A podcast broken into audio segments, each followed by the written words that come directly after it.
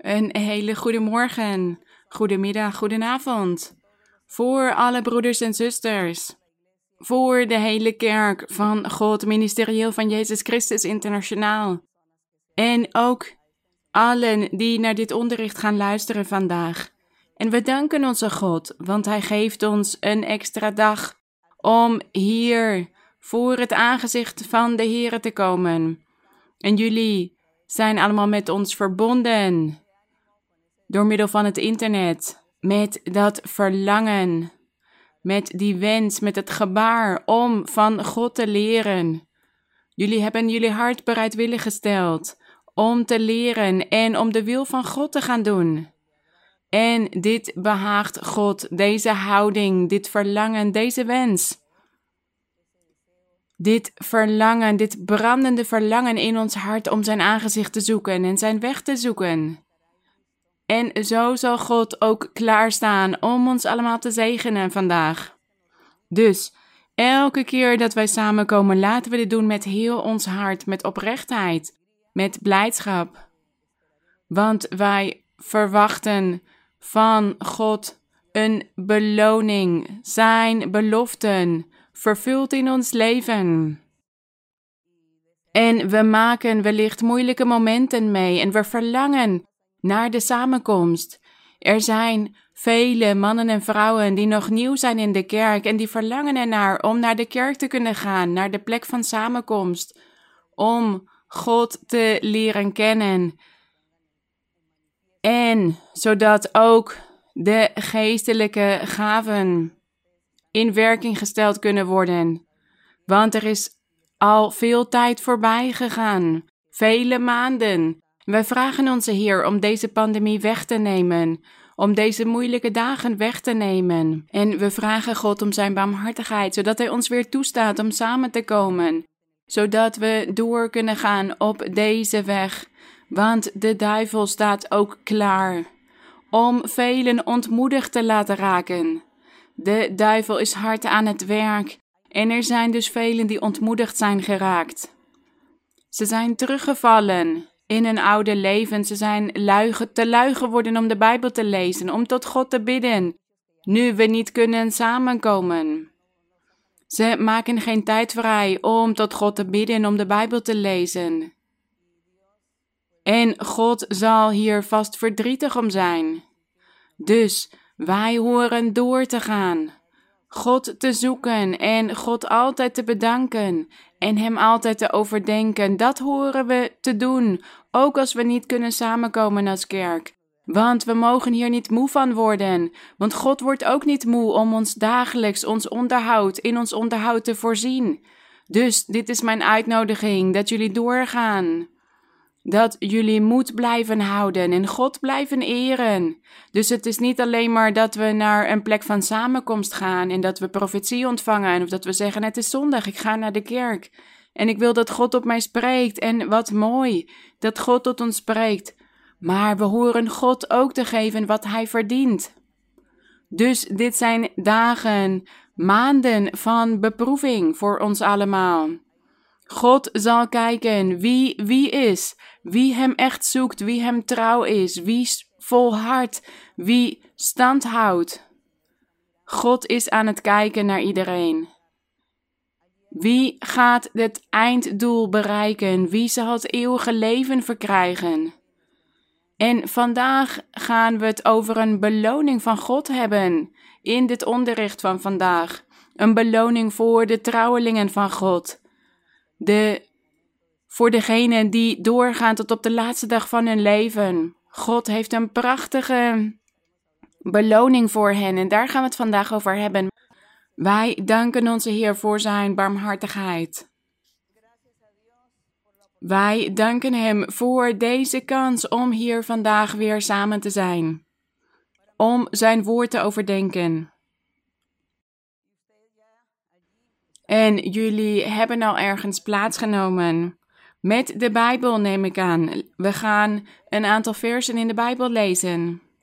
En we gaan het dus hebben over een beloning of een prijs die God aan elke man en vrouw aanbiedt, die de beslissing neemt om de wegen van God te volgen, de kroon, de kroon van het leven, of de kroon van het eeuwige leven, de kroon des levens. Die kroon noemt God vaak in de Bijbel. In de Bijbel lezen wij over fysieke kronen en ook over geestelijke, symbolische kronen. En ja, logisch, de kroon die God ons geeft, dat is een symbolische kroon. Het is iets geestelijks. Maar op een dag zullen wij die fysiek zien, die kroon in de eeuwigheid. Dan zullen we onze beloningen, onze prijzen ontvangen. Maar vanaf dit moment is God al zijn volgelingen hier op aarde aan het belonen. En wij lezen in de Bijbel over de koningen dat zij gekroond werden. De koningen, zij ontvingen een kroon en ook een staf. Als zij tot koning werden uitgeroepen van een bepaald land of een bepaalde stad. En we gaan het hebben over het volk van Israël in de oudheid. In de tijd van de koningen, toen het volk werd geleid door koningen. Alle koningen kregen een kroon aan het begin van hun koningschap. En God had dit toegestaan, die fysieke, materiële kronen. Hij had het in die tijd toegestaan omdat het een figuur of een schaduw was van wat er in de toekomst zou komen. Van wat de kinderen van God of de volgelingen van de Heer Jezus Christus in de toekomst zouden ontvangen. De volgelingen van het ware evangelie van de Heer. En daarom heeft God alles fysiek gemaakt in de oudheid. Dus hij had toegestaan dat er fysieke kronen bestonden van goud met prachtige edelstenen. En de mensen zeiden: Wat een prachtige kroon, wat een prachtige edelstenen. Want God wilde dat wij dit eerst fysiek kennen, zodat wij begrijpen wat God op een geestelijke manier in zijn geestelijk koninkrijk heeft. Want in het geestelijk koninkrijk bestaan ook die prachtige edelstenen, marmer, goud, zilver en ook veel glans en heerlijkheid en luister en schoonheid, overvloed, schittering in alles. En daarom heeft Hij ook op aarde dit toegestaan, dat dit op een fysieke manier bestaat, zodat wij het kunnen leren kennen. En zo kunnen wij ons een voorstelling maken van hoe het daar in de eeuwigheid zal zijn. En gebaseerd daarop nemen wij dan een beslissing in ons hart om God te volgen. Want wij beginnen van al die prachtige dingen te houden. Al die beloningen en die prijzen die Hij heeft voor degenen die Hem trouw zijn. Dus vandaag gaan we het hebben over de kronen. En wij hebben vast op tv wel eens een koning gezien met een kroon op zijn hoofd of in een tijdschrift. Of sommigen wellicht hebben in een museum een kroon gezien. Of anderen hebben een kroon, een fysieke kroon voor zich gezien. Dus wij kennen de waarde van een kroon, of wij kennen het belang of de waardigheid die een kroon aan de persoon geeft die hem op heeft. En als wij een kroon op ons hoofd hebben, dan betekent dat ook dat wij een waardigheid hebben. En daar gaan we het vandaag over hebben. En we zullen ons vast trots gaan voelen op onze God na dit onderricht. En we gaan hier dus over lezen. Of het nodig is dat wij moeite doen om een kroon van God te ontvangen. En als wij die al hebben, dan moeten wij ervoor zorgen dat we die behouden dat de duivel die niet van ons weg kan nemen. Laten we lezen in 2 Kronieken, 2 Kronieken, hoofdstuk 23, vers 11. Het gaat hier over een koning, koning Joas. En zijn vader was koning Ahazia geweest, de koning van Juda. En toen Ahazia was overleden. Want we lezen in de Bijbel dat hij gedood werd de koning van Juda, hij was gedood. En wij lezen hier dat de moeder Atalia zich de troon had toegeëigend. Zij stond niet toe dat de zoon van Ahazia de troon zou opvolgen.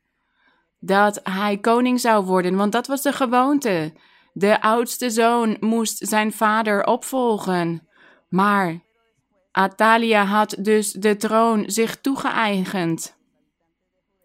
Maar een tijd later zette de priester Jojada iedereen een aantal mensen aan in het koninkrijk om Atalia af te zetten, om haar om te brengen, zodat de troon, zodat de ware troonopvolger de koning zou zijn. En dit was Joas. Joas had de koning moeten zijn. Dus er was een oorlog begonnen. En die moeder was uiteindelijk overleden, Atalia. En toen kon Joas als troonopvolger, hij kon koning worden. Hij was zes jaar lang verborgen in het huis van God, in de tempel van God. En daarna kon hij dus de koning van Juda worden. En in vers 11 van hoofdstuk 23 staat: Daarna brachten zij de zoon van de koning naar buiten, zetten hem de diadeem op en gaven hem de getuigenis. Dus op dit moment was hij als tot koning uitgeroepen. Hem werd een kroon of een diadeem opgezet en ze gaven hem de getuigenis, oftewel de wetten van God, die met de koning te maken hadden, die de koningen moesten kennen. Dus zo was hij koning gemaakt. Zij maakten hem koning en Jojada en zijn zonen zalfden hem en zeiden, Leven de koning! Dus op dit moment kreeg deze Joas, hij was een kind van zes, zeven jaar, hij kreeg die waardigheid als koning en hij begon te regeren op dit moment. Dus die kroon of die diadeem, dat maakte hem waardig om die titel te hebben. Dus er moet iets fysieks zijn dat laat zien welke waardigheid die persoon heeft of welke titel die persoon heeft ontvangen. En hier was het dus een kroon of een diadeem voor de koningen. Dat liet zien, dat was dat fysieke, dat liet zien dat hij de koning was. En dat hij heerste, dat hij regeerde. En zo werden hem dan ook onmiddellijk eerbetuigingen gebracht, omdat hij een kroon op zijn hoofd had. Dus hier hebben we gelezen over deze fysieke kroon. En in deze boeken van koningen en kronieken vinden we de geschiedenis over alle koningen en dat ze allemaal een kroon hadden ontvangen. Daar gaan we niet allemaal over lezen. We weten ook dat er vandaag de dag nog landen zijn waar een koning regeert. En die heeft ook een kroon. We kennen dit al. En we gaan nu in Job lezen, in het boek Job, want er zijn ook andere soorten kronen die een waardigheid geven. Job, hoofdstuk 19. Job, hoofdstuk 19, vers 9. Wij herinneren ons de geschiedenis van Job als die man die zoveel geleden had. Hij was beproefd en hij was verzocht door de duivel. Beproefd. En zijn zonen overleden. En zijn rijkdommen waren hem allemaal afgenomen. En hij was ook ziek geworden. Hij heeft veel geleden in zijn leven. En hij was een prototype van de Heer Jezus Christus. Als die man die moest lijden. Die werd gelasterd. En de duivel heeft hem zoveel kwaad gedaan. Net als aan de Heer Jezus. Dus het leven van Job is erg vergelijkbaar met het leven van de Heer Jezus Christus in het lijden. En Job was ook een persoon vol zachtmoedigheid, vol geduld, net als de Heer Jezus. En hier in hoofdstuk 19 was hij al zonder kinderen en hij was ziek geworden en hij was zijn rijkdommen kwijtgeraakt. En een aantal vrienden waren naar hem toegekomen. Maar in plaats van hem te helpen, begonnen ze hem te beschuldigen en hem te bekritiseren. En Job hief daarom deze jammerklacht aan.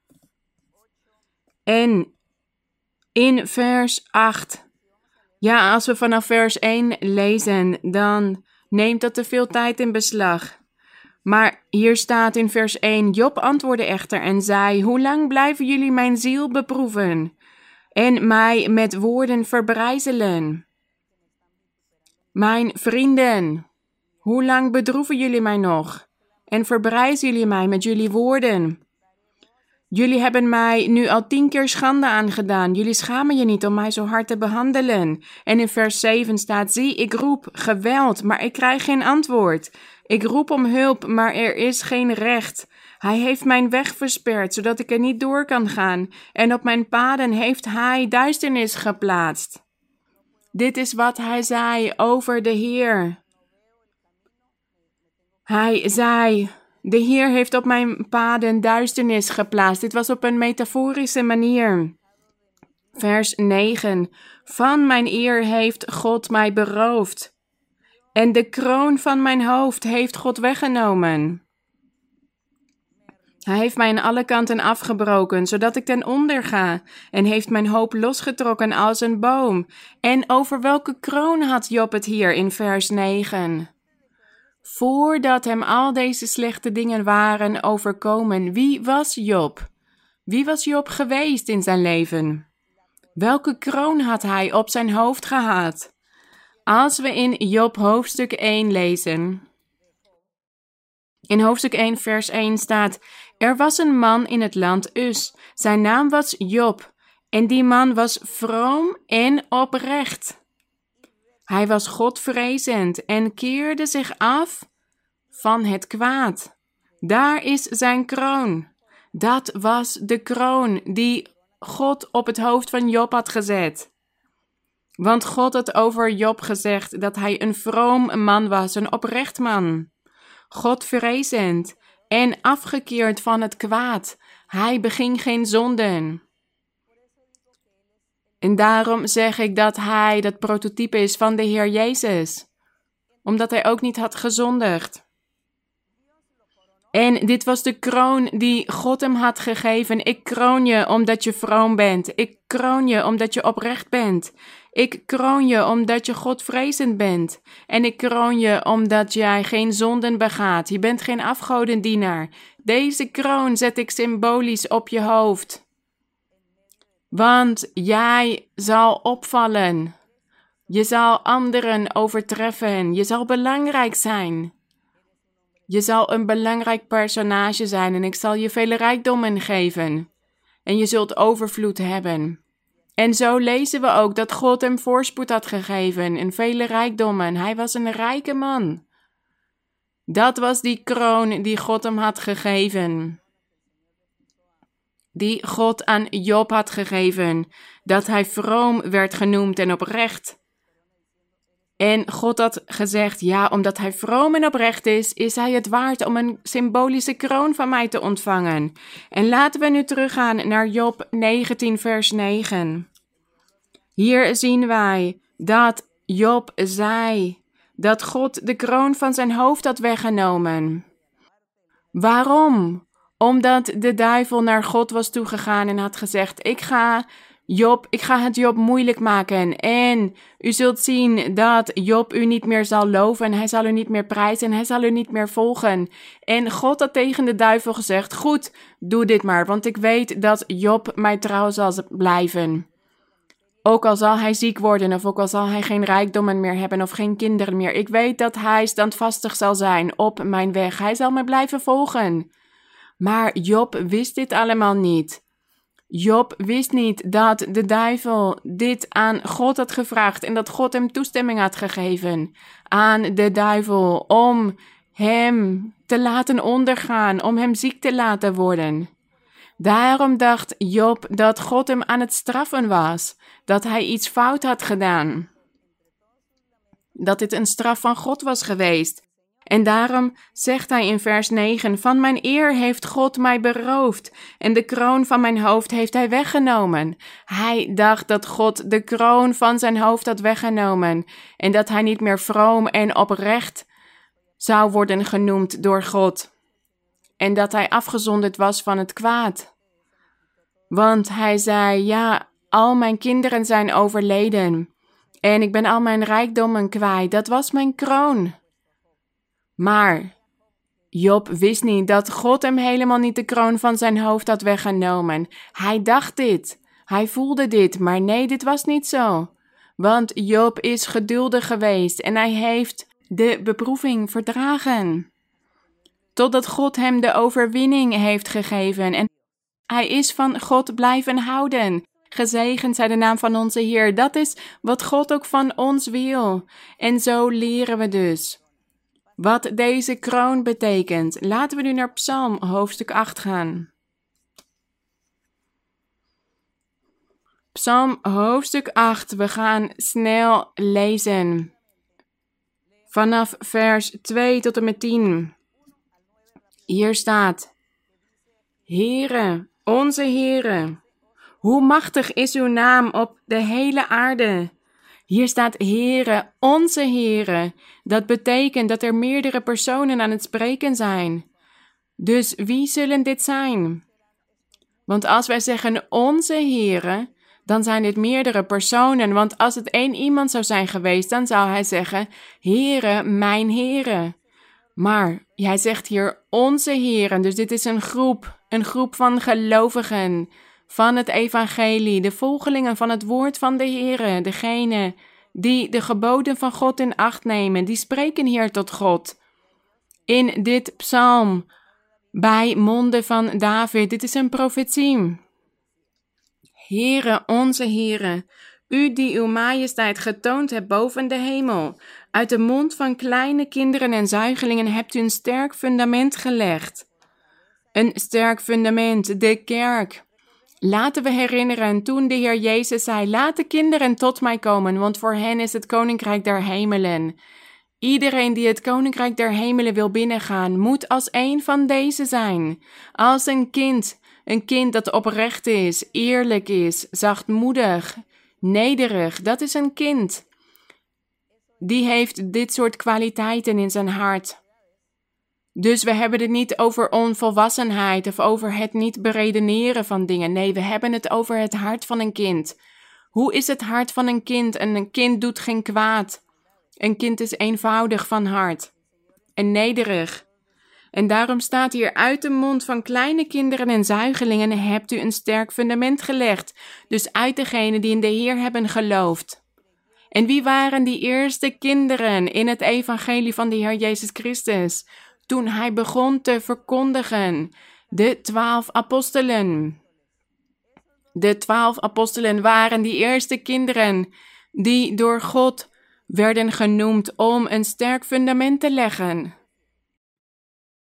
Dus hier staat: Uit de mond van kleine kinderen en zuigelingen hebt u een sterk fundament gelegd.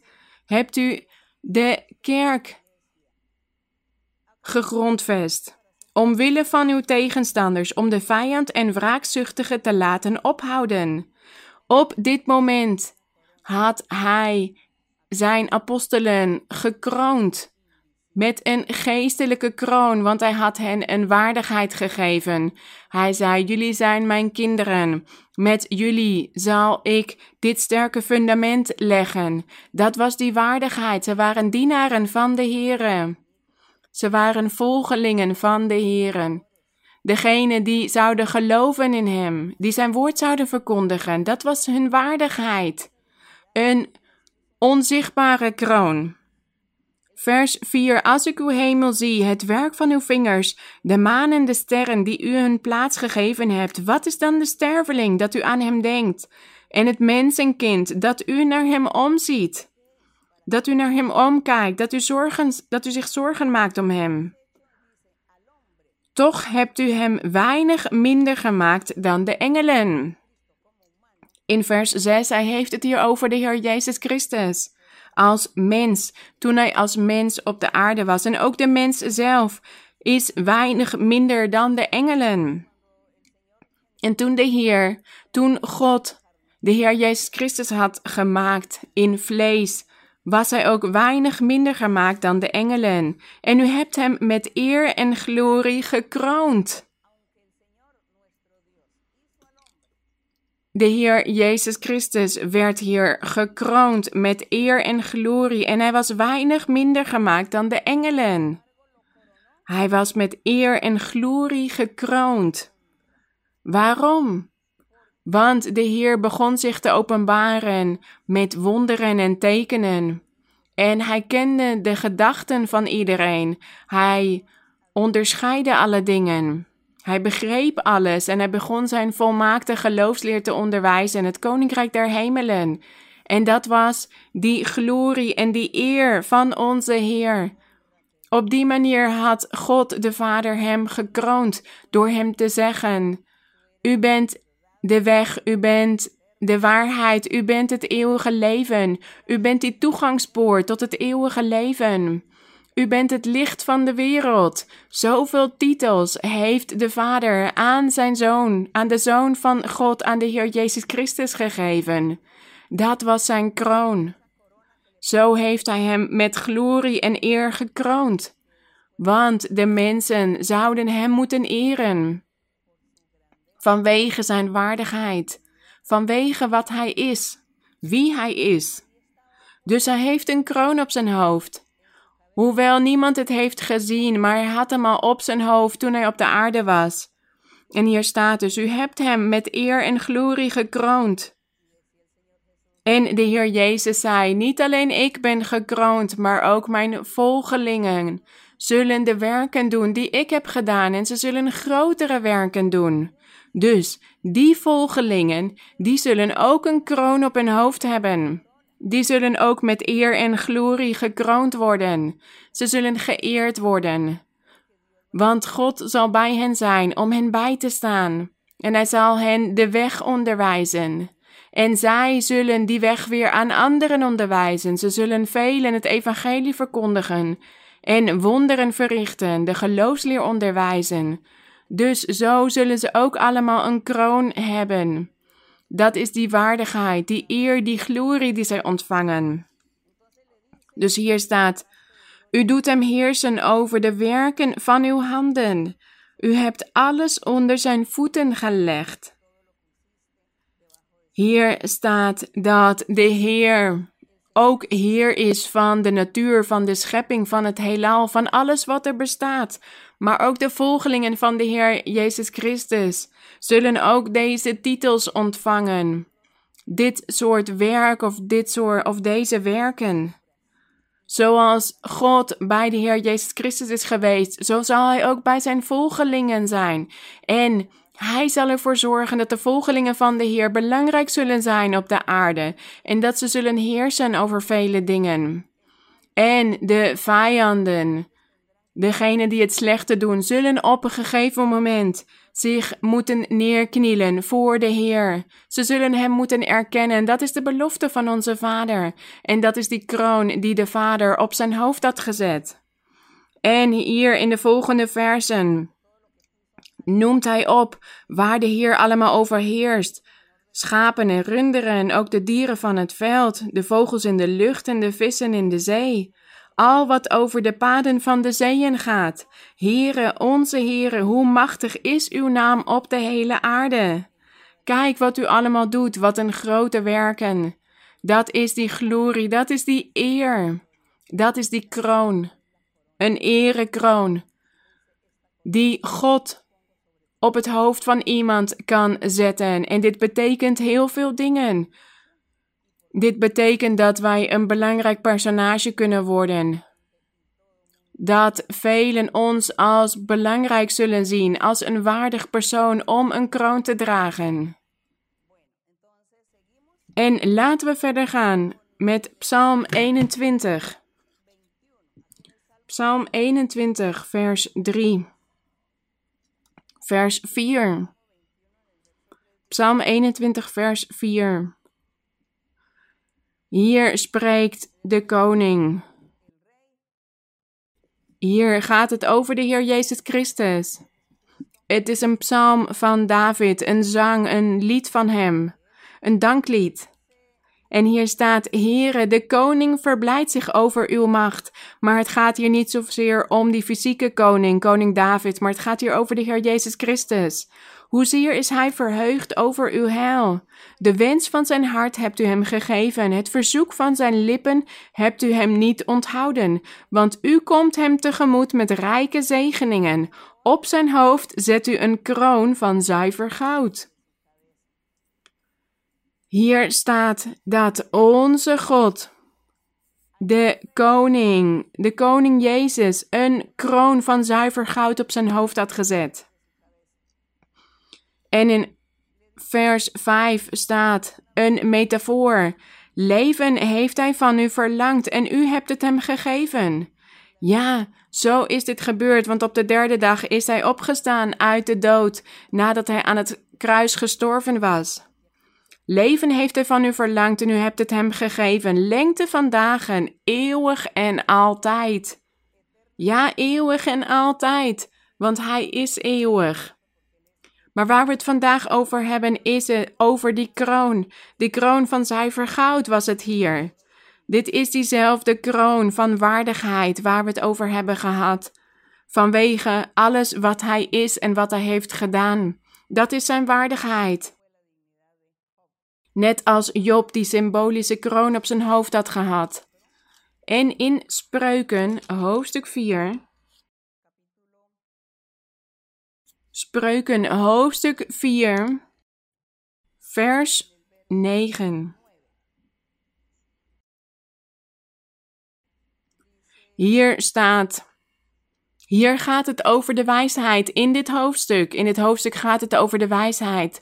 Maar deze wijsheid waar het hier in Spreuken hoofdstuk 4 over gaat, is de Heer Jezus Christus. Hij is de wijsheid. Christus, Jezus is de wijsheid. Als u tijd vrijmaakt om later dit hele hoofdstuk te lezen, Spreuken hoofdstuk 4, dan zult u erachter komen dat de wijsheid de Heer Jezus Christus is. Alles wat Hij doet, al die weldaden die wij ontvangen vanwege de Heer, omdat Hij ons een beetje van Zijn wijsheid geeft. En we gaan hier lezen in vers 9. Hier staat in vers 8: Houd haar hoog. Wie? Die wijsheid. Houd de wijsheid hoog. Houd haar hoog.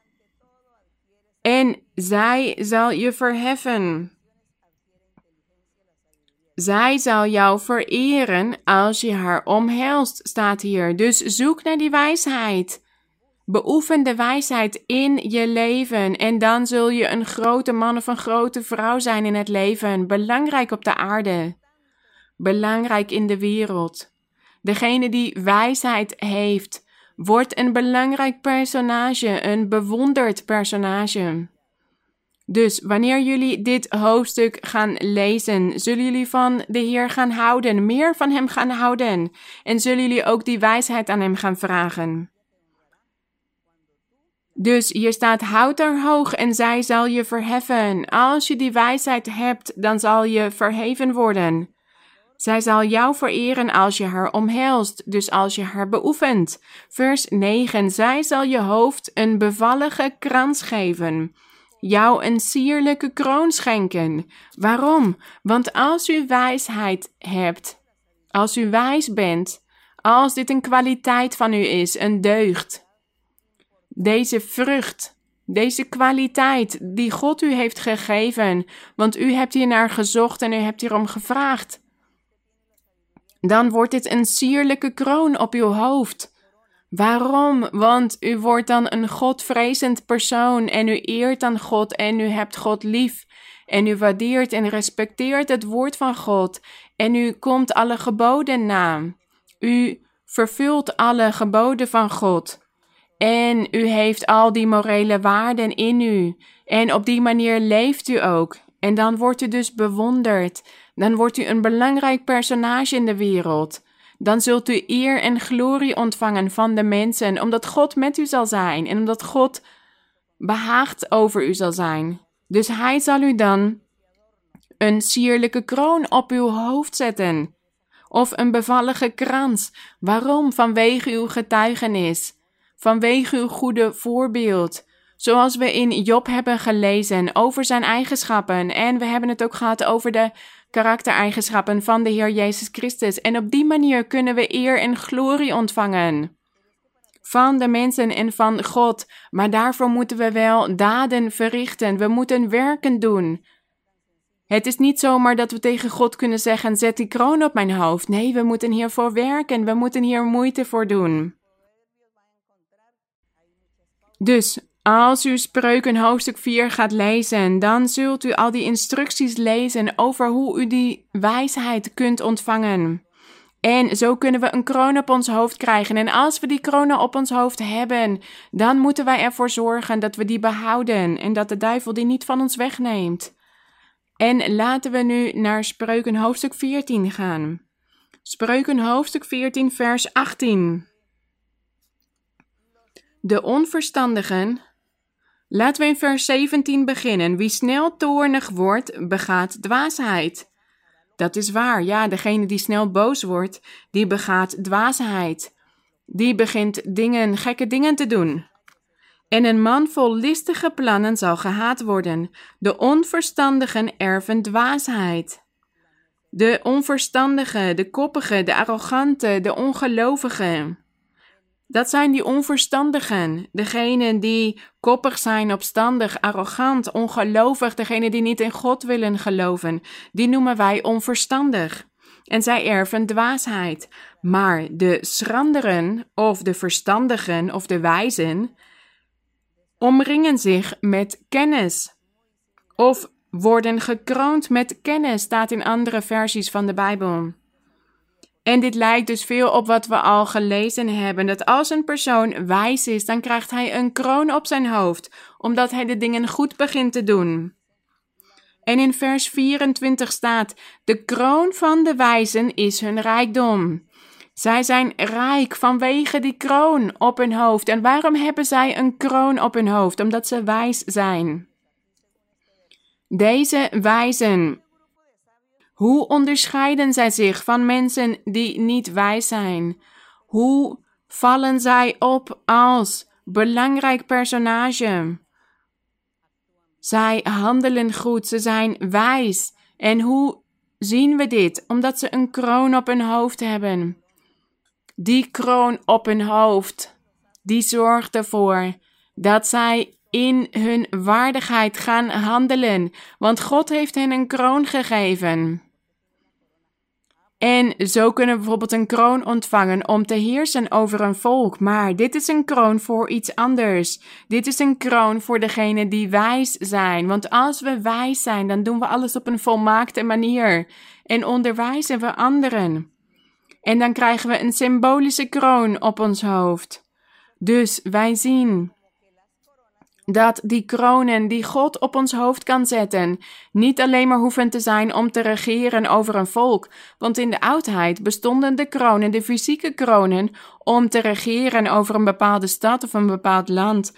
Maar we zien hier dat deze kronen die God op ons hoofd kan zetten, dat dit is vanwege de verdiensten die wij doen vanwege onze daden.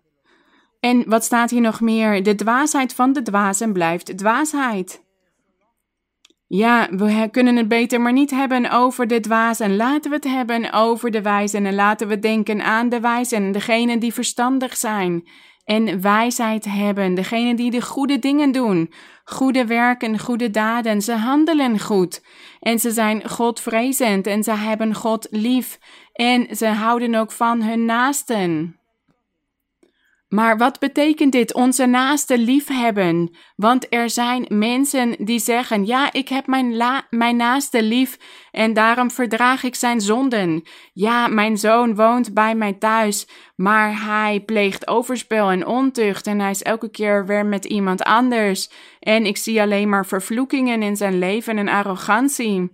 En hij maakt ons ons leven onmogelijk en wij verdragen hem eigenlijk niet. Ik weet niet wat ik moet doen. En de moeder is dan bijvoorbeeld de enige die naar de kerk toe gaat. En die probeert dan haar zoon te vermanen, te waarschuwen. En haar man zegt dan: Maar in jouw kerk onderwijzen ze jou dat je de naaste moet liefhebben. Dus waarom vermaan je hem? Waarom waarschuw je hem? Laat hem gewoon doen wat hij wil. Dat is je naaste liefhebben, dat je alles tolereert. Dat is toch wat jou onderwezen wordt? Maar hoe kunnen we de geloofsleer op die manier verdraaien? Hoe kan de geloofsleer zo verdraaid worden? Nee, wanneer God tegen ons zegt: heb je naaste lief, dat betekent dat wij onze naaste geen kwaad horen te doen. Mijn excuus is dat ik even van het onderwerp afwijk, maar dit heeft uiteindelijk ook te maken met die kroon op onze hoofd. Dus als er iemand kwaad doet om ons heen, dan vermanen wij die persoon. Als wij die persoon goed kennen, dan wijzen we die persoon terecht en dan onderwijzen wij. En dan zeggen we: nee, dat is slecht wat je doet. Als je zo wil blijven leven, zoek dan maar je eigen huis, want in mijn huis ga ik dit niet toestaan. Dus je naaste liefhebben, dat betekent niet dat wij maar alle zonden verdragen en alles goedkeuren en alles tolereren. Dat betekent niet je naaste liefhebben dat we zeggen, ja hoor, ga maar door in je leven, je, het gaat heel goed zo met je. Nee, je naaste liefhebben betekent dat wij onze naaste geen kwaad doen, dat wij geen vervloekingen over hem uitspreken. Of dat wij geen tovenarij over hem verrichten. Of dat wij hem kwaad doen. Dat wij gaan liegen. Of dat wij een vals getuigenis over iemand gaan geven. Dat we iemand gaan vernederen. Of dat we schreeuwen. En als iemand van de honger aan het overlijden is, dat we hem dan niks geven. Nee, ik ga hem een brood geven en ik ga hem iets geven. Dat is onze naaste liefhebben. Dat wij het goede doen met onze naaste. Dat wat oprecht is, eerlijk is. Maar als er iemand dicht bij mij is, een dierbare, en die begaat vele zonden. Dit kan ik niet tolereren. Ik moet die persoon dan onderwijzen. Dus of je vertrekt uit mijn huis, of je gaat op een betere manier leven, want ik kan dit niet toestaan in mijn huis. Dus vergis niet, verdraai niet wat dit betekent. De naasten liefhebben. Dit heeft niks te maken met iemand verwennen die alleen maar zonden begaat. Want soms luisteren mensen die niet bij de kerk horen, luisteren ook naar de onderrichten. En ze beginnen de onderrichten te verdraaien. Ze beginnen bepaalde woorden uit de onderrichten te nemen. Om hun eigen zin te krijgen. En wij moeten dus voorbereid zijn. We moeten argumenten hebben. Dit is de duivel in hen die dit doet. Dus wij moeten argumenten hebben om tegen de duivel te spreken om de strijd van Hem te winnen en om die kroon van het leven te behouden. Want we hebben het vandaag over de kroon. Dat we dus goede daden doen, dat wij de geboden van God in acht nemen, dat we God behagen. Maar dat betekent dus niet dat we de zonde toestaan in het leven van onze dierbaren. Het gaat om goede daden, om waarden. En als wij op een goede manier leven, dan zullen mensen in ons dat goede voorbeeld zien, dat goed getuigen is. En ze zullen ons eren, ze zullen ons glorie brengen, ze zullen zeggen: Ja, wat leeft deze persoon mooi? We zien dat hij God kent. Dus op die manier geeft God ons een kroon. Hij zet een kroon op ons hoofd. Dat is die waardigheid die God ons geeft. En God zegt dan: Ja, jullie hebben deze beloning verdiend vanwege jullie gedrag, vanwege jullie daden. Dus soms wijk ik een beetje af van de onderwerpen, maar dit is belangrijk. Het is belangrijk om dit soort dingen te onderwijzen, zodat de duivel de onderrichten niet kan verdraaien en op die manier de broeders en zusters die in de Heer geloven belachelijk kunnen maken. Want er zijn vele familieleden die atheïstisch zijn, die niet in God geloven of in iets anders geloven. En die gebruiken dus bepaalde dingen van de onderrichten om hen belachelijk te maken, om hen aan te vallen, om hen, om in opstand te komen. En dat is de duivel die dit doet, zodat de broeders en zusters de weg van de Here verlaten. Daarom onderwijs ik dit. En laten we nu naar Jesaja 62 gaan. De profeet Jesaja, hoofdstuk 62. Vers 3. We hebben het over de kroon van het leven. Die moeten wij eerst verkrijgen. En als we die kroon van het leven al ontvangen hebben, dan moeten wij ervoor strijden, zodat we deze kroon behouden. Zodat de duivel die kroon niet van ons wegneemt. En daar zijn we dus over aan het leren wat die kroon betekent. En hier in Jesaja 62 zegt God tegen Sion: Ik heb goed nieuws. Goed nieuws van verlossing. En Sion, dit is de kerk. Dit was voor de toekomst. Hij zei: Ik heb zegeningen voor de toekomst. Ik zal de Messias sturen, de zaligmaker. De kerk van de Heer en zijn volgelingen zullen vele zegeningen ontvangen. Daar gaat Jesaja 62 over. En 61 ook. En hier staat dan in Jesaja 62 dat wanneer de Heer Jezus Christus zich zou openbaren in de toekomst, dat iedereen de rechtvaardigheid van God zal kunnen zien. De gerechtigheid zal opkomen als een lichtglans. En alle koningen zullen, hun, zullen zijn luister zien. En dit is allemaal vervuld. En hier staat in vers 2: U zult met een nieuwe naam genoemd worden, die de mond van de Heere bepalen zou. Ze zouden de kerk van de Heer Jezus Christus genoemd worden. En in vers 3 staat: U zult een sierlijke kroon zijn. U, de verlosten van de Heer, degenen die verlost zullen worden door het evangelie van Christus Jezus, de kerk van de Heer. U zult een sierlijke kroon zijn in de hand van de Heere en een koninklijke tulband in de hand van uw God. Gezegend zij de Heer. Wat een prachtige belofte. De kerk van de Heer Jezus Christus zal een kroon zijn in de hand van de Heere en een koninklijke tulband in de hand van God. Wat een prachtige beloning. Daarom zei de Heer Jezus Christus dat iedereen priesters en koningen zou zijn. Dat staat in de Bijbel geschreven dat wij allemaal priesters en koningen zullen zijn in het evangelie van de Heer Jezus Christus. En een koning, een koning heeft een kroon op zijn hoofd. En hij zei ook, iedereen zal mij dienen.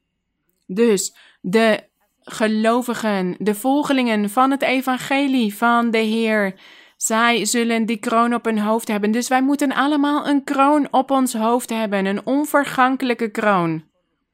En laten we nu naar klaagliederen gaan. Na Jesaja komt het boek Jeremia en dan komt het boek Klaagliederen. Dit zijn de klaagliederen van Jeremia. Deze klaagliederen, die had de profeet Jeremia opgeschreven, of hij had het gezegd en daarna is het opgeschreven. Hij had die, hij hief de klaagliederen aan Toen Israël in Jeruzalem vernietigd was door de vijandige legers. Toen dit was gebeurd, zag Jeremia dit allemaal van ver gebeuren en hij klaagde hierover. Hij treurde hierover, want hij zag hoe de rook uit de stad opsteeg want alles was verbrand en vernietigd en hij treurde hierom. Nadat hij de kroon had gekend die die stad had gehad, want die stad Jeruzalem had een hele grote kroon gehad. Een kroon waarop vele koningen jaloers waren geweest. De koningen van alle buurlanden, zij waren jaloers geweest op de kroon die Jeruzalem had gehad van God. De stam van Juda. En daarom hief Jeremia deze klaagliederen aan. En in hoofdstuk 5, vers 16 gaan we lezen. Klaagliederen 5, vers 16. Jeremia bad tot de Heere en hij nam het woord voor het volk van Israël, het overblijfsel van het volk. Hij was als een woordvoerder voor hen geworden en hij bad tot God. En hij sprak over zoveel dingen. In vers 1 staat bijvoorbeeld: Denk, Heere, dit zei Jeremia. Denk, God, aan wat er met ons gebeurd is. Aanschouw en zie onze smaad, Heer. Kijk naar de stad. Rook stijgt eruit op. Niks is overgebleven, mijn Heer. Waarom? Die stad die die prachtige kroon had gehad, die bekend was geworden, een waardigheid had ontvangen. Van u, kijk wat er van over is gebleven. En in vers 16. Ik nodig jullie uit om zelf deze klaagliederen te lezen, de rest van het hoofdstuk. In vers 15 gaan wij nu lezen. Hier staat: De vreugde van ons hart is opgehouden. Onze rijdans is in rouw veranderd. Gevallen is de kroon van ons hoofd. Hier staat: Gevallen is de kroon van ons hoofd. Het volk van Israël had ook een kroon gehad. Zij hadden een kroon gehad, want zij waren het uitverkoren volk van God geweest, heilig land, het volk door God verkregen. Het was dat volk dat die allermachtigste God onder alle goden had. Ze hadden zoveel voorrechten en daarom hadden zij een kroon op hun hoofd. Maar Jeremia zegt hier: Gevallen is de kroon van ons hoofd. Weet toch ons dat wij zo gezondigd hebben. Omdat zij gezondigd hadden, heeft de Heer de kroon van ons hoofd weggenomen, zei hij. Maar vandaag in het evangelie van de Heer Jezus Christus geeft de Heer Jezus Christus ook een kroon aan iedereen die zich tot Hem bekeert, iedereen die zijn weg volgt, die de beslissing neemt om Hem te volgen, die ontvangt een kroon van de Heer. Dus wij hebben allemaal een kroon van onze Heer ontvangen. Maar wees behoedzaam, want de Heer kan die kroon van ons weer wegnemen. Hoe is ons leven? Let goed op. Hoe moeten wij ons gedragen? Er zijn nu zes maanden, zeven maanden van pandemie voorbij gegaan en velen zijn moe geworden. En ze willen de Bijbel niet meer lezen of tot God bidden, want ze zijn moe geworden om dit zelf te doen, om de Bijbel te lezen. Ze zijn lui geworden en willen nu andere dingen doen. En ze willen weer naar hun oude leven teruggaan, naar het zondige leven in de wereld. Maar God zal op die manier de kroon van jullie hoofd wegnemen. Let goed op, wees behoedzaam, want als de Heer de kroon van uw hoofd wegneemt, het volk van Israël, de Heer had ook hun kroon weggenomen en zij hebben nooit meer een nieuwe kroon ontvangen. Alleen de volgelingen van de Heere die standvastig zijn tot op de laatste dag van hun leven, alleen zij zullen een kroon op hun hoofd behouden. Laten we vasthouden aan wat God ons gegeven heeft. En laten we nu naar 1 Korinthe gaan in hoofdstuk 9. In het Nieuwe Testament, 1 Korinthe. Hoofdstuk 9, vers 25. Hier gaat het over de apostel Paulus die aan het evangeliseren is. Hij stuurde hier een brief vol geloofsleer en vol vermaning naar de gelovigen in de gemeente van Korinthe, daar in Griekenland, in het land Griekenland. Daar was de kerk van de Heer in die tijd. En Paulus schreef naar hen naar de Corinthiërs. En hij zei dat ze door moesten gaan, dat ze sterk moesten zijn en overtuiging moesten hebben, dat ze God moesten zoeken, dat ze niet moe moesten raken. En in vers 24 staat: Weet u niet dat zij die in de renbaan lopen, allen wel lopen, maar dat slechts één de prijs ontvangt? Loop dan zo dat u die verkrijgt. Dus ren hard, zodat u de prijs ontvangt. Vers 25. En iedereen die aan een wedstrijd deelneemt, beheerst zich in alles. Zij nu doen dat, dus degenen die rennen in een renbaan, die doen dit voor een fysieke prijs. of een vergankelijke krans, een vergankelijke kroon. Een kroon die zal vergaan, een prijs die zal vergaan. Iets dat zal ophouden te bestaan, het zal vernietigd worden na een tijd. Maar hier staat, maar wij rennen om een onvergankelijke krans te ontvangen, een onvergankelijke prijs, een onvergankelijke kroon. Wij zijn aan het rennen. Wij zijn aan het wandelen op deze weg naar het eeuwige leven om een onvergankelijke kroon te ontvangen. En de Heer zegent ons al op dit moment op de aarde. Hij troost ons en hij geeft ons vele zegeningen. Maar hij zegt: In de eeuwigheid zullen jullie veel meer van mij ontvangen. De volheid van alle dingen. Wat ik jullie hier geef, dat is iets kleins. Dat is maar een klein beetje, zodat je ziet, zodat jullie zien dat ik jullie wil zegenen. Dat ik verheugd ben over jullie gedrag. Maar wat ik in de eeuwigheid voor jullie heb, dat zal voor eeuwig zijn en dat zal veel meer zijn. Dat zal de volheid zijn van alle dingen. Dus God heeft al een kroon op onze hoofd gezet. Maar wij zijn aan het rennen om dat einddoel te bereiken, zonder te bezwijken, zonder ontmoedigd te raken, zodat wij die onvergankelijke kroon kunnen ontvangen van onze God, die prijs die nooit zal ophouden te bestaan. En in Eerste Thessalonicensen, een paar boeken verderop, na Filippenzen en Colossensen, komt Thessalonicensen, hoofdstuk 2, eerste brief van de apostel Paulus aan de Thessalonicensen. Hoofdstuk 2. Hier schreef de apostel Paulus een brief aan de kerk in Thessalonica. Hij schreef altijd brieven met de geloofsleer, met vermaningen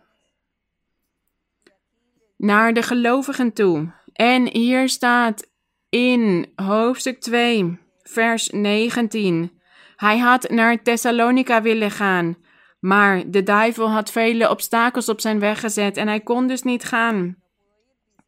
Want hier staat in vers 18: De Satan heeft het ons verhinderd. Vers 19: Want wat is onze hoop of blijdschap of erekroon? Bent ook u dat niet voor het aangezicht van onze Heer Jezus Christus bij zijn komst? Dus hij zegt: U bent onze hoop, onze blijdschap en onze erekroon. Dat is wat de apostel Paulus zei. De apostel Paulus wist dat hij een kroon op zijn hoofd had. En hij wist dat hij die kroon niet had verdiend vanwege zijn verdiensten, vanwege zijn daden. Want hij was niet een oprecht of een vroom man als Job geweest. Want we kennen de geschiedenis van Paulus, toch? Maar toen hij God leerde kennen, toen hij het woord van God heeft leren kennen, was hij veranderd. Heeft hij zijn leven gebeterd. En heeft hij zich bekeerd tot God. En hij zei dus, al die kerken, al die gelovigen die zich op dit moment tot de Heer hebben bekeerd, die zijn mijn erekroon. Want Paulus voelde zich trots op hen. Hij zei, jullie zijn mijn kroon. Jullie zijn mijn erekroon, mijn glorie, mijn eer. Jullie zijn mijn vreugde, mijn blijdschap, mijn hoop. Dus zien jullie wel, broeders, God heeft ons al een kroon op ons hoofd gezet. Maar we moeten stand houden, we moeten volharden, zodat we die kroon behouden. En zodat de Heer die niet van ons wegneemt. Daar moeten we voor strijden, om onze kroon van het leven te behouden. En laten we naar 2 Timo Timotheus gaan. 2 Timotheus, iets verderop. 2 Timotheus hoofdstuk 2, vers 5. Hier schrijft de apostel Paulus raadgevingen aan Timotheus. En hij zegt hier dat hij een goed soldaat van Jezus Christus moet zijn. Dat hij moeite moet blijven doen. Timotheus was een jonge man. En daarom gaf Paulus hem veel raad. En hij zei bijvoorbeeld, hij moest moeite doen.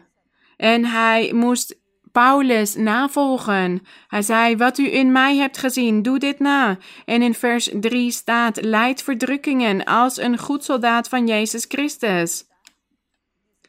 Vers 4. Niemand die in het leger dient, wordt verwikkeld in de zaken van het levensonderhoud, opdat hij hem kan behagen die hem voor de krijgdienst aangenomen heeft.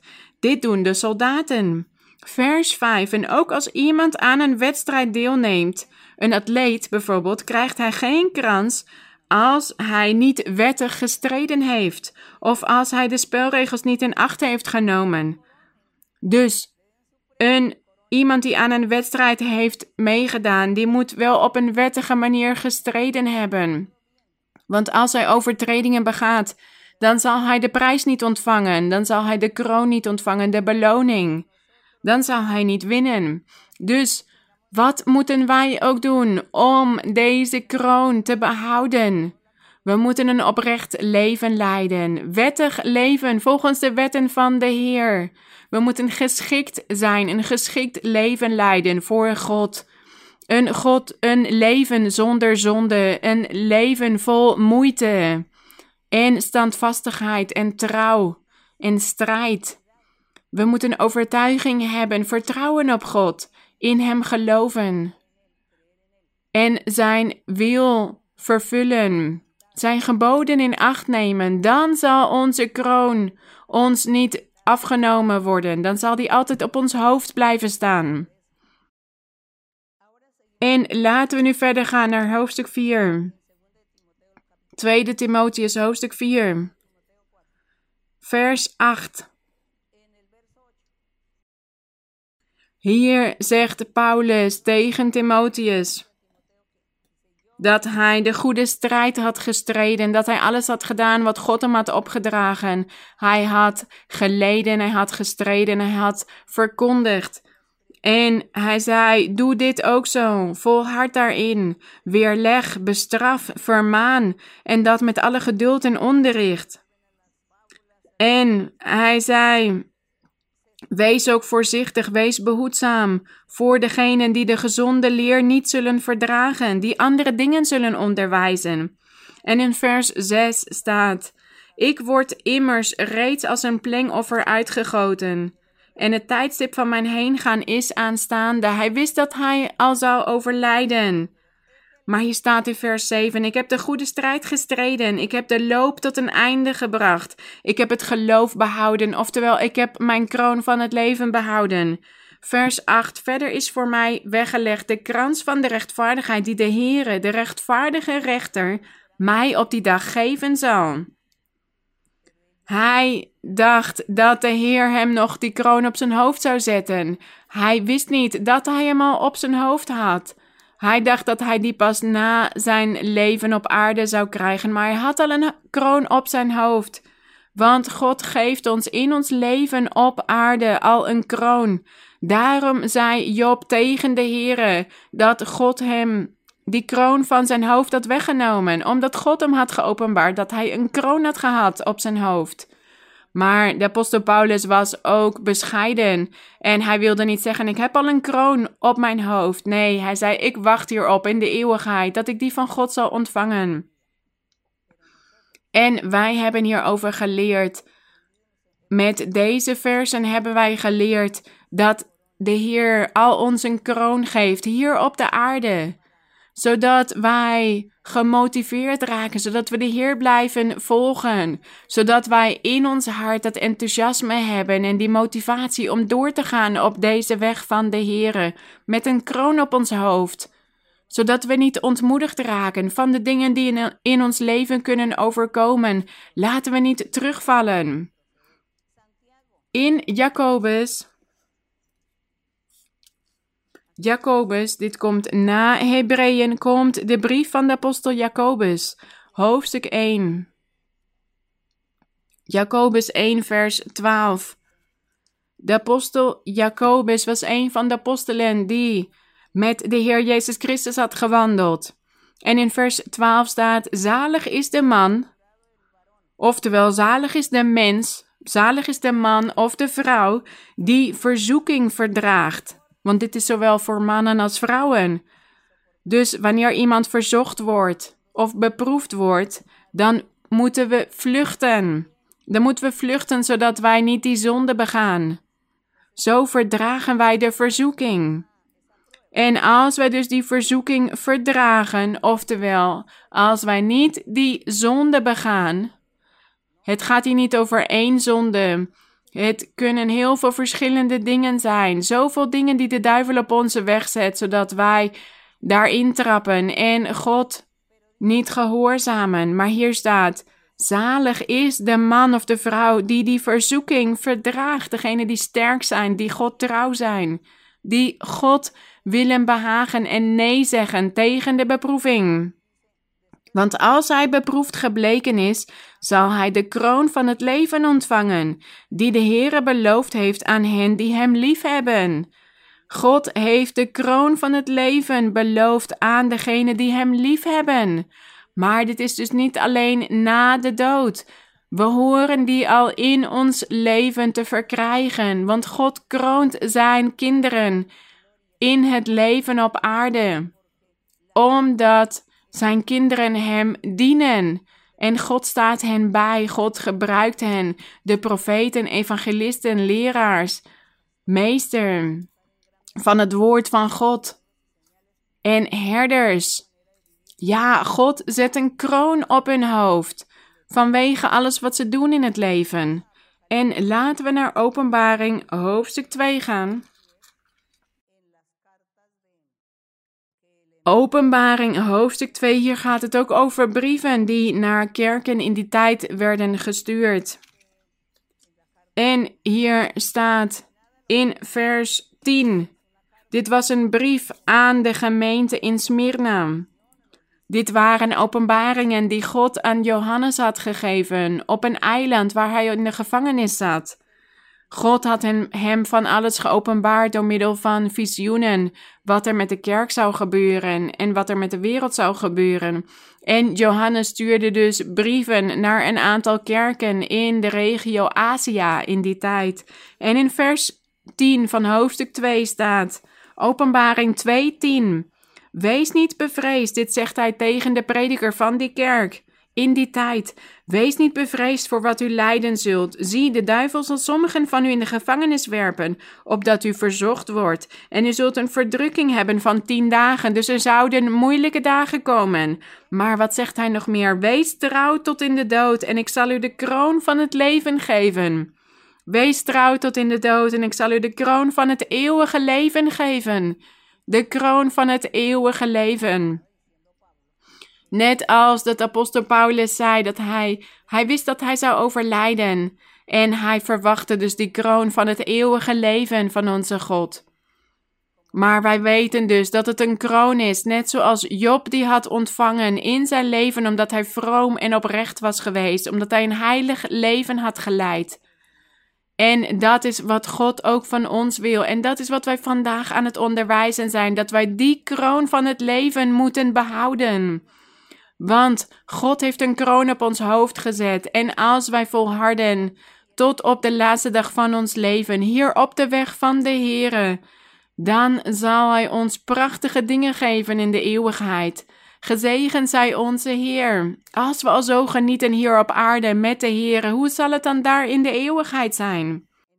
En laten wij ook in hoofdstuk 3 lezen, Openbaring hoofdstuk 3, vers 11. Dit was de brief aan de kerk in Philadelphia in die tijd. Vers 11. Zie, ik kom spoedig, zei de Heer. Houd vast wat u hebt, opdat niemand uw kroon zal wegnemen. Niemand mag uw kroon wegnemen, want jullie hebben die kroon al ontvangen. Die kroon die jullie beloofd was. Houd die kroon vast. Leef een heilig leven, een oprecht leven, een goed leven in de ogen van de Heere.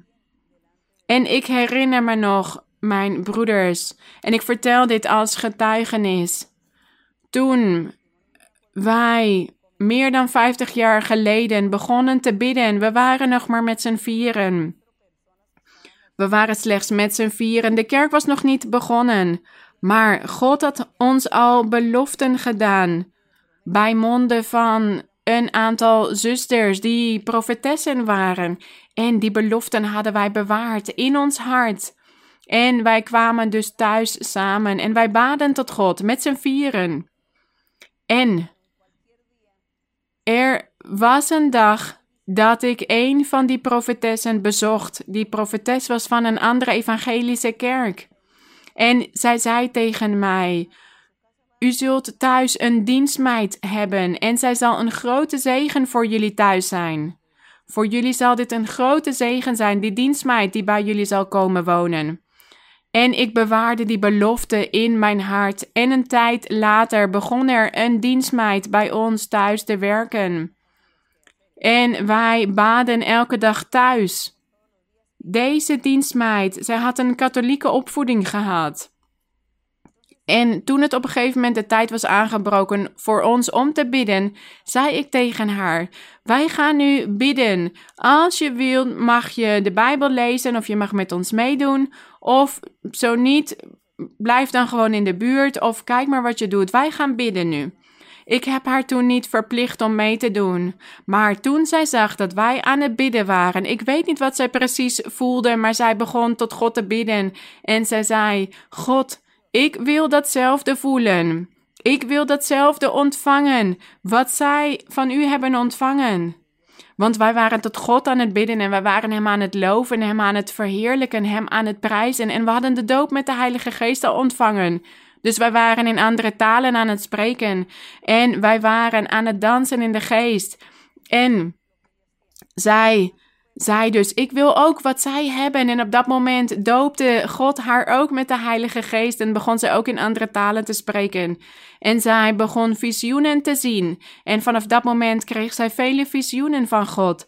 En op een andere dag, toen wij ook aan het bidden waren met deze dienstmeid samen, zag zij een visioen en zij begon te profiteren tot mij. Ze zag een visioen op dat moment. Een visioen is dat we iets zien alsof het een film voor onze ogen is. En zij zei tegen mij: Maria Luisa.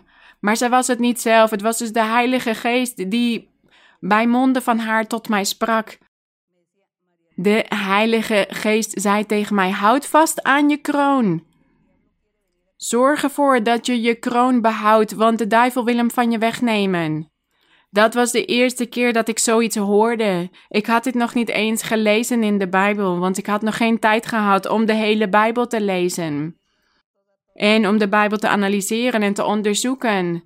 En ik vroeg haar na die ervaring, vroeg ik haar wat ze had gezien. En zij zei: Ik zag de Heere in dat visioen. En ik zag dat u op een troon zat en dat de Heer u een kroon op uw hoofd aan het zetten was. En de Heer zei dus tegen u: Zorg voor uw kroon, zodat de duivel die niet zal wegnemen. Behoud uw kroon. En toen herinnerde ik mij die belofte door die profetes. Dat wij thuis een dienstmeid zouden hebben en dat zij, voor een grote, dat zij een grote zegen voor ons zou zijn. En toen zag ik hoe die belofte van God was vervuld. Dus hoe kunnen we dan nog twijfelen aan het bestaan van God, aan de Bijbel, aan zijn beloften, aan zijn ervaringen? Dit is het bewijs. En ik voel tot op de dag van vandaag, als ik het woord kroon in de Bijbel lees, voel ik vreugde en blijdschap en gedenk ik die ervaring en die belofte. En tot op de dag van vandaag heb ik gestreden om mijn kroon te behouden. En ik weet dat de duivel die niet van mij zal wegnemen, want ik ga dit hem niet toestaan. Laten we nog naar 1 Petrus gaan om te eindigen vandaag. 1 Petrus hoofdstuk 5. 1 Petrus hoofdstuk 5. Hier staat vers 1. De apostel Petrus zegt hier tegen de gelovigen: De ouderlingen onder u roep ik ertoe op, als mede-ouderling en getuige van het lijden van Christus. Hij had het hier over die mensen die volwassen waren in de Here, die beoefend waren in de dingen van God die ouderlingen. Ik als mede-ouderlingen, getuige van het lijden van Christus en deelgenoot van de heerlijkheid die geopenbaard zal worden, hoed de kudde van God. Oftewel, hoed de kerk van God, die bij u is. En houd daar toezicht op. Zorg voor die schapen van God. Niet gedwongen, maar vrijwillig. Dus voel jullie niet gedwongen om een herder te zijn voor die schapen, maar doe dit met liefde. op een vrijwillige manier en niet uit winstbejag, maar bereidwillig. Dus met moed, met oprechtheid, zonder hier iets voor terug te verwachten. Want we zien hier dat er in die tijd al mensen waren opgestaan die het woord van God verkondigden, om hier zelf beter van te worden, om geld hiervoor te vragen. Nee, hier zei de apostel: verkondig het woord van de Heere, niet uit winstbejag, maar bereidwillig. Dus zonder hebzucht. En hij zegt ook in vers 3: ook niet als mensen die heerschappij voeren over het erfdeel van de Heere. Dus word geen dictator over die schapen van de Heere. Nee, onderwijs hen met zachtmoedigheid, met nederigheid. Wees een goed voorbeeld. Hier staat maar als mensen die voorbeelden voor de kudde geworden zijn. En als de opperherder verschijnt, dit is de Heer Jezus Christus, de opperherder, dan zult u de onverwelkbare krans van de heerlijkheid verkrijgen. Dit staat in het woord van de Heere. Vanwege jullie goede daden, het goede werk dat u voor God doet, zult u de onverwelkbare krans van de heerlijkheid verkrijgen. En wij hebben allemaal werk van God gekregen, een verplichting. Iets heeft God ons opgedragen, een verantwoordelijkheid. We hebben allemaal een verantwoordelijkheid ten opzichte van God.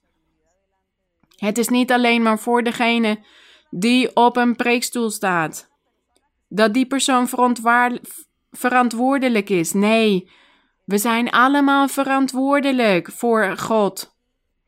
Degene die op de eerste rij zitten, maar ook degene die op de laatste rij zitten.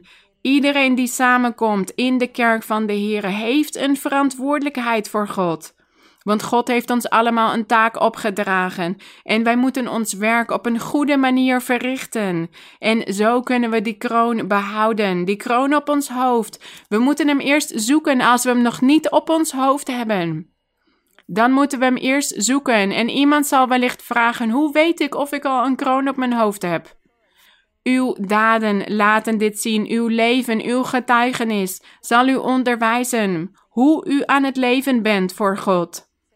Bent u nog in zonde aan het leven, vergeet dan dat u een kroon op uw hoofd hebt. Als u afgezonderd bent van het kwaad, als u de zonde hebt afgelegd, als u een behagelijk leven voor God aan het leiden bent, dan kunt u ervan zeker zijn dat u een kroon op uw hoofd heeft ontvangen. Uw werk moet doorgaan. U moet blijven werken om die kroon te behouden. Die verantwoordelijkheid die God u heeft gegeven. Iedereen is verantwoordelijk. We zijn allemaal verantwoordelijk. Ook de, de jongeren. De jongeren die naar de kerk toe komen. Jongeren van 13 of 14 jaar. Vanaf 13, 14 jaar zijn ze al verantwoordelijk voor God. God behandelt hen alsof ze volwassenen zijn. En hij vraagt hen ook om rekenschap. Dus laten wij de dwaasheid, de koppigheid, opstandigheid afleggen, arrogantie, trots. En laten we ons overgeven aan God, zodat God ons kan helpen om al die fouten of zwakheden of zonden of dingen in ons vlees die wij zelf niet kunnen wegnemen, zodat Hij ons hierbij helpt. Want God kan ons reinigen, God kan ons bevrijden. Hij is het die ons gaat helpen, zodat wij een heilig, oprecht leven kunnen leiden voor Hem. En zo zullen we die kroon van het leven behouden. Ik ken broeders en zusters die niet hier op de preekstoel staan. Zij zitten wellicht op de laatste rij stoelen. Als ze naar de kerk toe komen en God loven, om God te loven of om naar het onderricht te luisteren, maar God gebruikt hen op een grootse manier. Zij zien bijvoorbeeld visioenen of wanneer zij voor mensen bidden, dan bevrijdt God die mensen van hekserijen, tovenarijen, vervloekingen, van kwade geesten die hen kwellen. Of zij hebben een volmaakte profetie. Ze worden gebruikt door God in de gave van profetie. En ze zijn standvastig. Ze volharden. Dat is die kroon op hun hoofd. Dat is hun waardigheid. Dat is die eer en glorie waarmee God hen heeft gekroond. Vanwege hun standvastigheid. Hun geloof, hun overtuiging, hun strijd om door te gaan tot op de laatste dag van het leven. Dat is hun kroon. Hun daden, hun getuigenis. Het werk dat zij verrichten voor God, de bijstand die God geeft aan de persoon, dat is zijn kroon. Dit alles is zijn kroon. Dus wij danken onze Heer. Wij zijn speciale mensen voor God. Wij zijn anders dan vele mensen op de aarde. En in de Bijbel lezen wij dat wij de machtigen zijn op aarde. wie zijn die machtigen op aarde? De volgelingen van de Heer Jezus Christus. En waarom zijn zij machtig? Waarom zijn zij belangrijk? Omdat God ons een kroon op ons hoofd heeft gezet. En Hij maakt ons belangrijk, omdat wij een krachtige God hebben die tot ons spreekt en ons helpt. Wanneer wij Hem ook maar nodig hebben, dan staat Hij klaar om ons te helpen. We hoeven alleen maar tot Hem te bidden en Hem te volgen in alles. Maar er zijn vele mensen in de wereld en als hen iets overkomt, dan bidden zij wellicht of zij vragen iemand om hulp, maar niemand antwoordt hen, niemand helpt hen. Dus als er een gevaar is, wie wordt er dan gered? Het kind van God omdat hij een kroon op zijn hoofd heeft en daarom helpt God hem, beschermt God hem. Maar degenen die God niet hebben, die die kroon niet hebben, die zullen vergaan. Daarom staat er in de Bijbel dat de kerk van de Heer, de gelovigen in Christus, de machtigen op aarde zijn. Op aarde, want zij hebben kracht, de kracht van God in hun leven, dat hen beschermt. Dus wij horen allemaal deze genade, deze gunst, deze welwillendheid van onze God voor ons winnen. Laten we trouw zijn en doorgaan zonder luiheid. Leg die luiheid af. Leg die ontmoedigheid af. En wees dapper en moedig. En God zal jullie gelukkig maken en jullie vrijmaken. Laten we gaan bidden tot onze God. Heilige Vader, eeuwige Vader, wij danken u, mijn Heer. Want u staat ons weer toe om samen te komen voor uw aangezicht. Wij danken u. En ik dank u, mijn Heer, want u heeft mij toegestaan om dit onderricht te geven. En ik mag altijd voor het volk van u staan, mijn Heer. En dat is als een kroon voor mij, mijn Heer. Want ik mag de Bijbel openen en versen lezen. En uw woord overdenken. Wat prachtig, mijn Heer.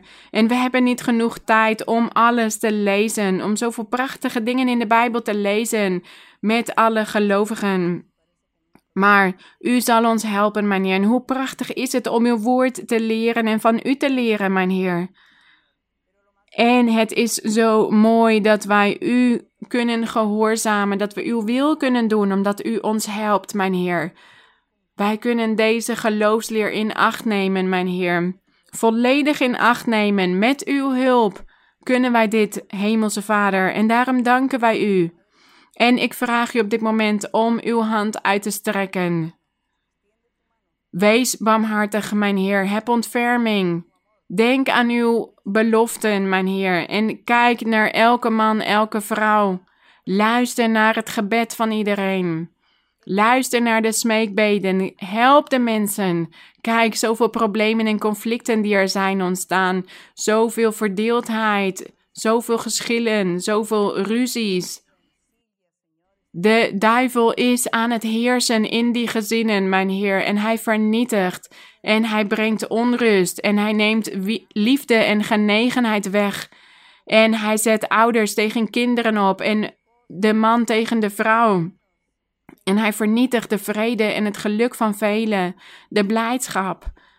Heer, ik vraag u om uw krachtige hand uit te strekken en te zegenen. Breng een einde aan deze dagen van beproeving, mijn Heer. Breng een einde aan deze pandemie zodat we weer kunnen samenkomen, mijn Heer. Heilige Vader, onderwijs ons, geef onze raad. Hoe horen wij de dingen te doen? Hoe horen wij te leven, mijn Heer?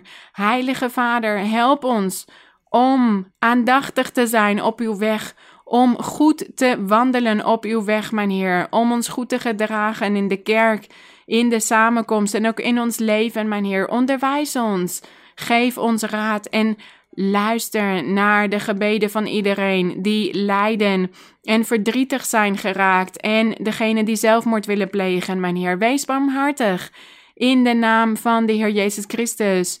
Uw geliefde Zoon, Jezus uit Nazareth, luister naar onze gebeden, mijn Heer. Luister naar de jammerklachten. Kijk om naar de verzoeken en hartverlangens, mijn Heer. Vervul hartverlangens. En onderwijs ons uw weg, uw woord. Geef goed verstand, geef intelligentie en wijsheid aan iedereen. En breek de ketens, breek de banden. Breek al die vervloekingen, mijn Heer, vernietig ze. Al het werk van de duivel, mijn Heer, en genees ook van vele ziekten. Ik weet dat u al vele hebt genezen, mijn Heer, vele mensen, maar er zijn nog vele anderen die nog ziek zijn. En die klagen over hun situatie, mijn Heer. Wees barmhartig, mijn Heer, en strek, strek uw hand uit en bevrijd Luister naar de gebeden, mijn Heer. Verhoor iedereen. De lofuiting en de glorie zij aan u, mijn Heer, van nu tot in alle eeuwigheid. Wij loven u en wij prijzen u en wij verheerlijken u. Wij maken u groot, mijn Heer. Van u is de eer en de heerlijkheid en het koninkrijk, mijn Heer. We danken u omdat u naar ons luistert. Gezegend bent u tot in alle eeuwigheid. In de naam van onze Heer Jezus Christus vragen wij u dit alles. Amen. De glorie zij aan onze Heer. Laten we koor 9 zingen. Nu je de hand aan de ploeg hebt geslagen, kijk dan niet naar wat er achter je ligt. En dit koor betekent dat als u de beslissing hebt genomen om de weg van de Heer te volgen, en u bent al een paar jaren op deze weg, val dan niet terug in uw oude leven, zoals deze persoon in dit koor die de hand aan de ploeg heeft geslagen die kan ook niet meer terugkeren. Hij kan zijn ossen niet loslaten, want dan wordt zijn land niet geploegd. Hij moet doorgaan, recht door, voorwaarts gaan. En zo horen wij trouw te zijn, God trouw te zijn en het einddoel te bereiken. Daar gaat het koor over. Koor 9, nu je de hand aan de ploeg hebt geslagen. Nu je de hand aan de ploeg hebt geslagen, kijk dan niet meer naar wat achter je ligt. Soldaat. De beloning zal je zeker niet ontgaan. En volg Christus als een trouw soldaat. De beloning zal je zeker niet ontgaan. Hij zal de kroon van het leven aan je Als je de liefde hebt en inzet toont aan God. Door de zonde van je af te werpen. En de Heer te dienen met je hart en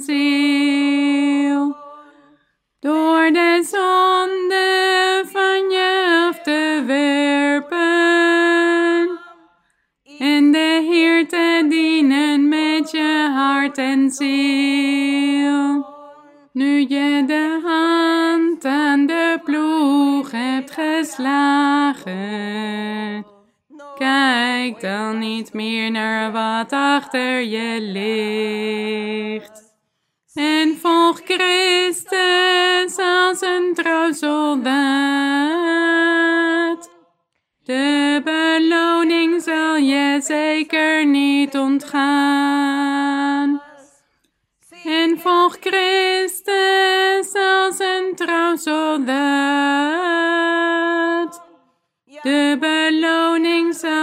zeker niet ontgaan.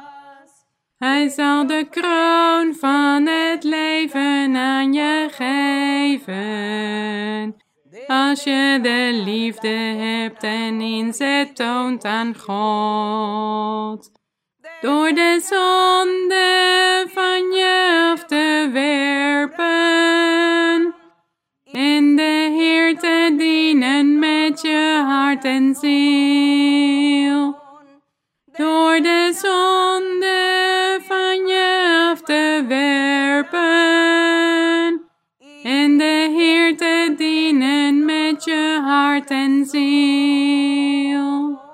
glorie zij aan onze Heer. Dank jullie wel. Mogen de Heer jullie allemaal zegenen. Ik hou van jullie in de Heer. Ik stuur vele omhelzingen naar jullie. Vele groeten voor iedereen, ook voor de kinderen. Dank jullie wel en tot binnenkort.